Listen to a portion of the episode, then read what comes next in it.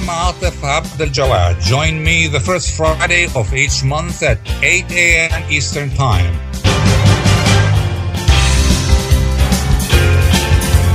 I will be discussing some of the most important issues and events in the Middle East live on America's Voice of the Arabs.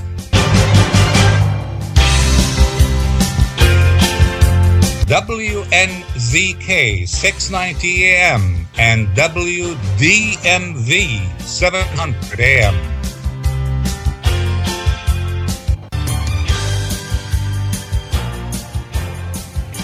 Okay, 10 years have passed since uh, Tunisian street vendor Mohamed Bouazizi sparked an Arab Spring when he set himself on fire. That was soon followed by an Egyptian jobless young man, Khalid Said, having his skull crushed by police detectives in the city of Alexandria. Heads of states were toppled in Tunisia, Egypt, and Yemen following popular uprising, but removing individuals did not foster total change. And institutions left by those individuals just took over. While the Arab Spring brought some results in Tunisia, Algeria, and maybe Sudan, it drove Yemen and Syria into civil wars. So, where do we stand today?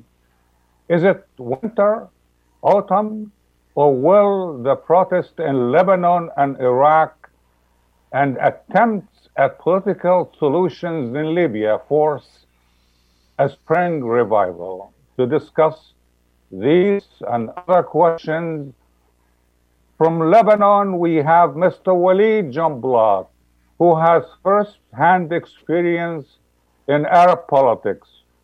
Mr. Jumblat is the president of the Progressive Socialist Party in Lebanon, well known, a long-time politician, leader of the Druze community, and a former member of parliament and a cabinet minister in some um, governments in Lebanon. Mr. Uh, Jumblat, welcome to the show and thank you very much for joining us.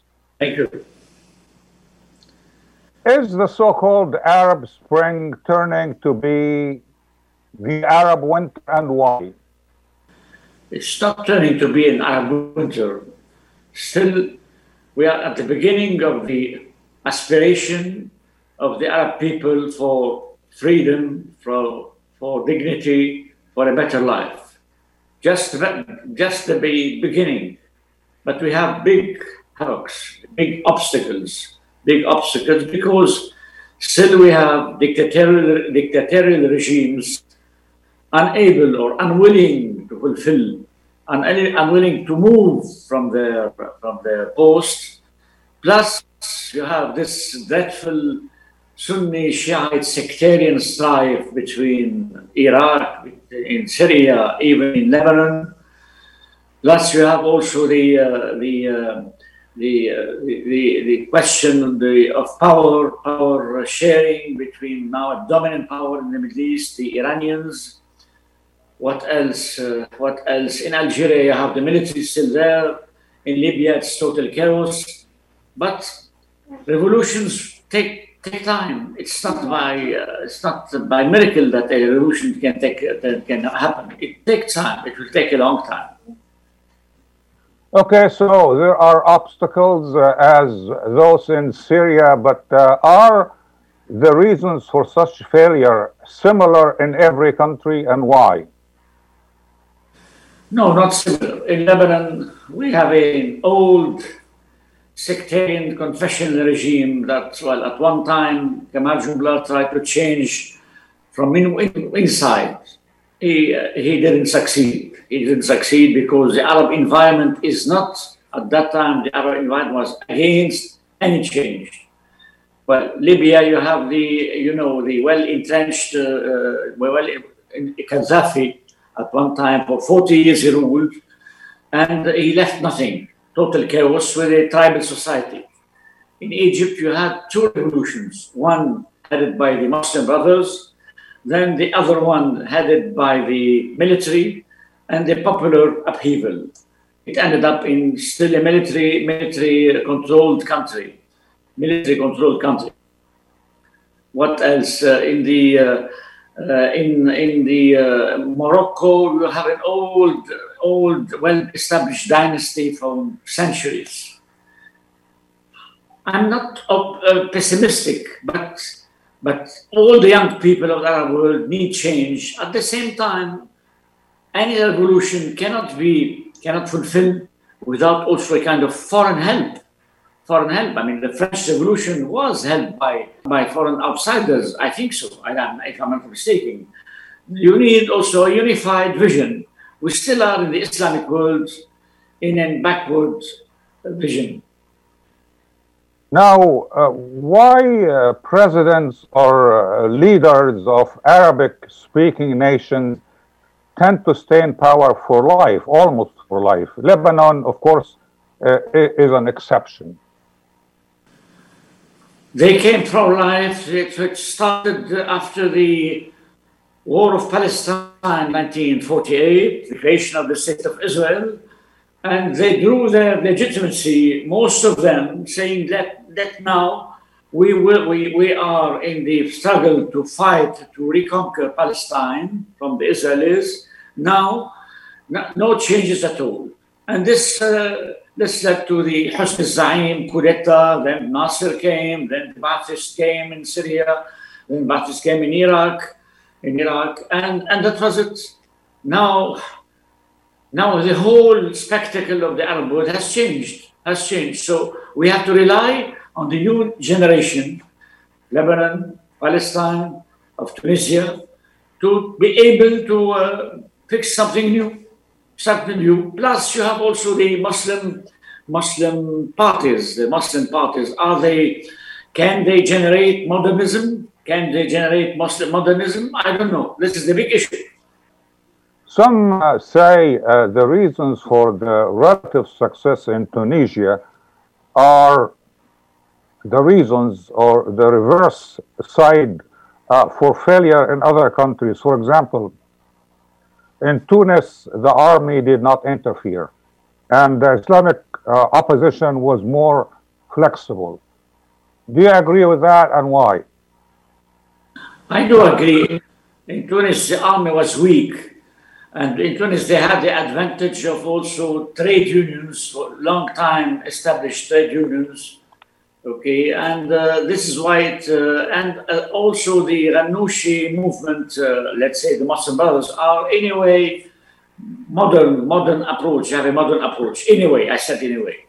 But, but now also do not forget that Tunis is one of the countries whereby it exported more than 2,000, uh, how should I say, terrorists to Syria to fight there with Daesh.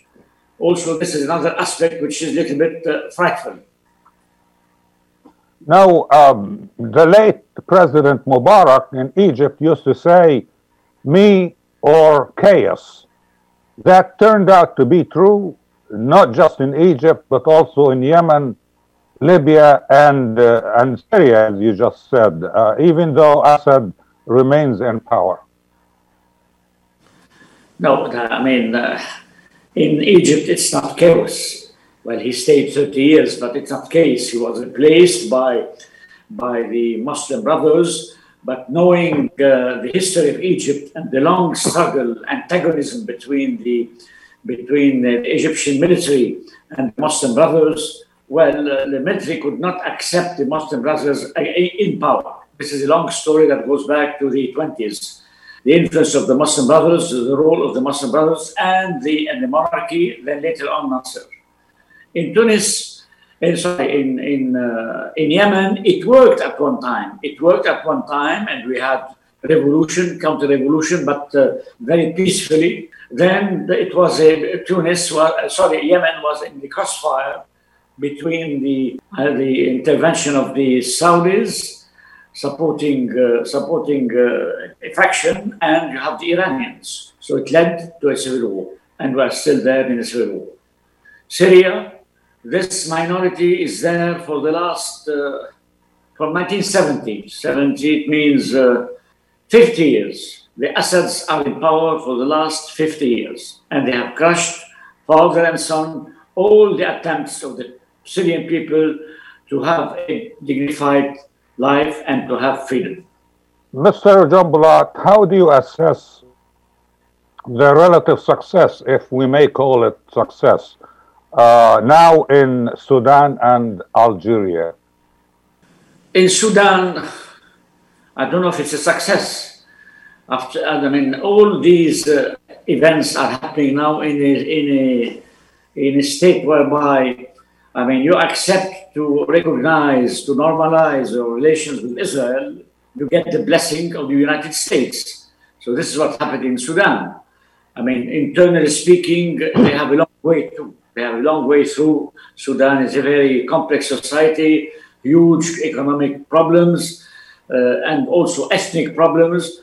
But uh, the military have accepted reluctantly, reluctantly, I said, to now to, to go back.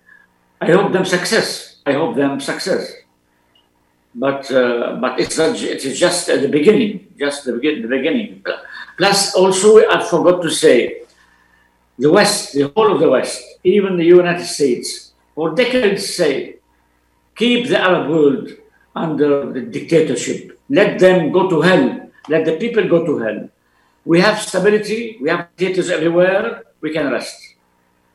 They were surprised. I mean, at the time of the Egyptian revolution, the first one, first one, the, the West was surprised, but it did not do anything to help, for example, the Syrian people.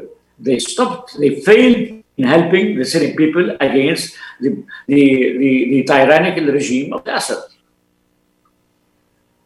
Now, lack of help um, coming from uh, the West or the United States leads me to this question. Uh, the international community has failed in resolving the crisis in Syria. What is needed to resolve the crisis in Syria? What is needed, it was needed at that time to have intervention. Yes, I was claiming for intervention in Syria against the regime, like the, like the West intervened in Libya. But because Obama was at that time in Syria negotiating the nuclear deal, no intervention happened in Syria. Even the peaceful protesters were left to be massacred in the streets of Damascus, in the streets of Aleppo, in the streets of all, all the countryside of Syria. Uh, millions were, were, were exiled, and the West didn't do anything. You asked me about Algeria. Algeria is on the process, just the process of changing. But I mean, the uh, nothing has changed radically. Nothing has changed. It's just a process, slow process. Let me turn to Lebanon, uh, your country now. 55% of the Lebanese people live in poverty. How do you assess the situation in Lebanon? What do you suggest as solutions?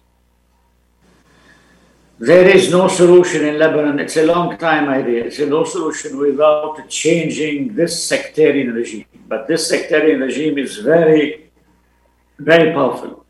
And it has been it has been established by the French before that, by the Ottomans, the sectarian, the millet system.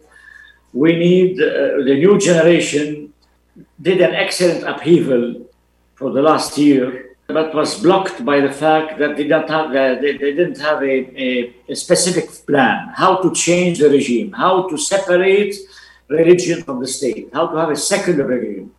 This is the big issue. Now, what role does your community, the Druze community, uh, have in uh, Lebanon? How do they uh, contribute to a stable Lebanon? I'm a small community. So I'm uh, my community's number is less than 200,000 in a country of 4 million. So my job was during the civil war is to try to survive uh, because of the terrible odds at that time and dangers. I participate with others. I'm a Lebanese. I'm trying to find a solution, but for nowadays, everything is just blocked because also in Lebanon now, if you take the situation, we are a country not free. We are under the control of the of the Iranian backed party called Hezbollah. Lebanon is in their hands. You uh, talked about uh, uh, a sectarian government in Lebanon. Uh, my question is um, religion or sectarianism uh, generally uh, seem to play a major role in upheavals in, in, in, almost most of those countries in the Middle East Lebanon, uh, Yemen, uh, Libya, Syria, Egypt. So, what is needed to be done here? No, in, in Lebanon, in Lebanon, I've told you that when the sectarian regime well, well, was opposed by a variety of parties, leftist parties, Arab nationalist parties, at one time during the 60s and the 70s, then was blocked by the civil war. Well, in Egypt, it's the, the military are there. The military are there, okay, uh, uh, infringing the rule of civil society of having a normal life. But the military are there from the from the time of, of Nasser. Well, let's be fair also, the time of Nasser, at that time, it was our golden age for us, for our, for our generation, because he gave us a hope against the West and a kind of dignity against the West. Well, in Yemen, no. In Yemen, in Yemen, they've succeeded peacefully at one time to be able to remove Ali Abdullah Saleh. Then came uh, foreign intervention from Saudi Arabia, from Iran, and it led to it led to, uh, to division and and, and war. Uh, and, and civil war and uh, open war that's now, now, more than seven years that's going on. Iraq, Iraq, uh, Iraq, they have a civil society, they have a strong civil society, but still it's a, divided, it's a divided country, bit divided country, not even able up till now to, for, to, to form its identity because of the big neighbor the Persians. The Persians have, are, the Iranians are in Iraq. The, uh, they are trying to develop a, their, a new identity. They have overthrown uh, not they and the Americans to overthrow Saddam Hussein, but with no replacement.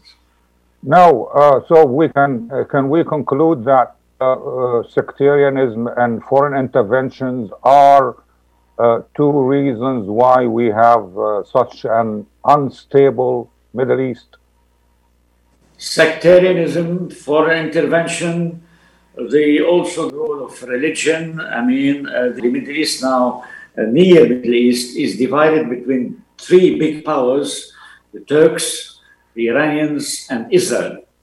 So this is where uh, I mean, this is where the, the big challenge uh, ahead of us ahead of us how to how to be able to have a genuine Middle East, Arab Middle East, away from these powers. Don't forget that well now a main factor, a major factor inside the Middle East is Israel. Is Israel. Now in Lebanon, uh, there are reports uh, that the ambassadors from uh, Britain, Kuwait, and the United Arab Emirates have uh, left Beirut uh, they are going back to their own countries to protest uh, what they call um, and protesting the government that they describe as being not independent. Do you think that um, that that would be followed by more ambassadors? This is a first step. The Arab world now is divided or divided between the pro-American Arab world. And uh, you, have, you have assisted lately at the coming of the son-in-law of Mr. Uh, Mr. Trump, what's his name, uh, Jared Kushner, reconciling the Qataris with the Saudis in a so-called front against the Iranians and the Iranian expansion. Don't underestimate Iranian exp- expansion or Persian expansion, call it whatever you want. It is maybe the fifth time or the sixth time, I don't remember now going back to history, that the Persians are on the shores of the Mediterranean, uh, coming from Iraq, Syria, Lebanon. They are very influential in, in Yemen. So, so now we have a power conflict, geopolitical power conflict, eh, and at the same time joined by national aspiration from young people to have a better life. So how can you combine both? Now, you said a few minutes ago that you are not exactly pessimistic, but let me just uh, ask you again are you optimistic about the future of the Middle East in terms of democracy and civil rule? I don't see it in the near future. I'm sorry, I don't see it in the near future because of the fact of, uh, of uh, the, I mean, uh, there is no unity between the ranks of the uh, of the protesters, Lebanon, Syria, and uh, and others. I mean, each uh, each trend protesting has its own agenda. I don't see in the near future possible. In the long future, maybe. In the long future, maybe. But in the near future, I'm sorry, I'm a little bit uh, upset. Uh, let's say pessimistic, realistic. Mr. Walid Jumblat, uh, concluding this interview, would you like uh, to say anything else, to add anything else? Look, I'm, I mean, I'm in a past. I'm from a past generation. I'm from a past generation that believed in the revolution of Nasser, of uh, Yasser Arafat in Palestine, okay, of Kamal Jumblat uh, about having a new Lebanon, secular Lebanon. I, I, cannot also impose my past visions to, to the new, to the future. I mean, it's up to we, we. We don't have to lose hope. Somebody will come. Some people will come. Something will emerge in the future for a better Middle East. But also don't don't forget that we are still under direct or indirect colonization. Plus the fact that's the fact I'm from a generation that considers that, well, Israel is a foreign body inside this Middle East. We have accepted a two state solution. Now there is no more any room for a two-state solution. Any room. So this is the actual, the actual uh, spectacle. We'll see somebody else will come and continue the struggle. Mr. Walid Jumblat, thank you very much. We appreciate uh, your time and uh, we wish you all the best. Thank you.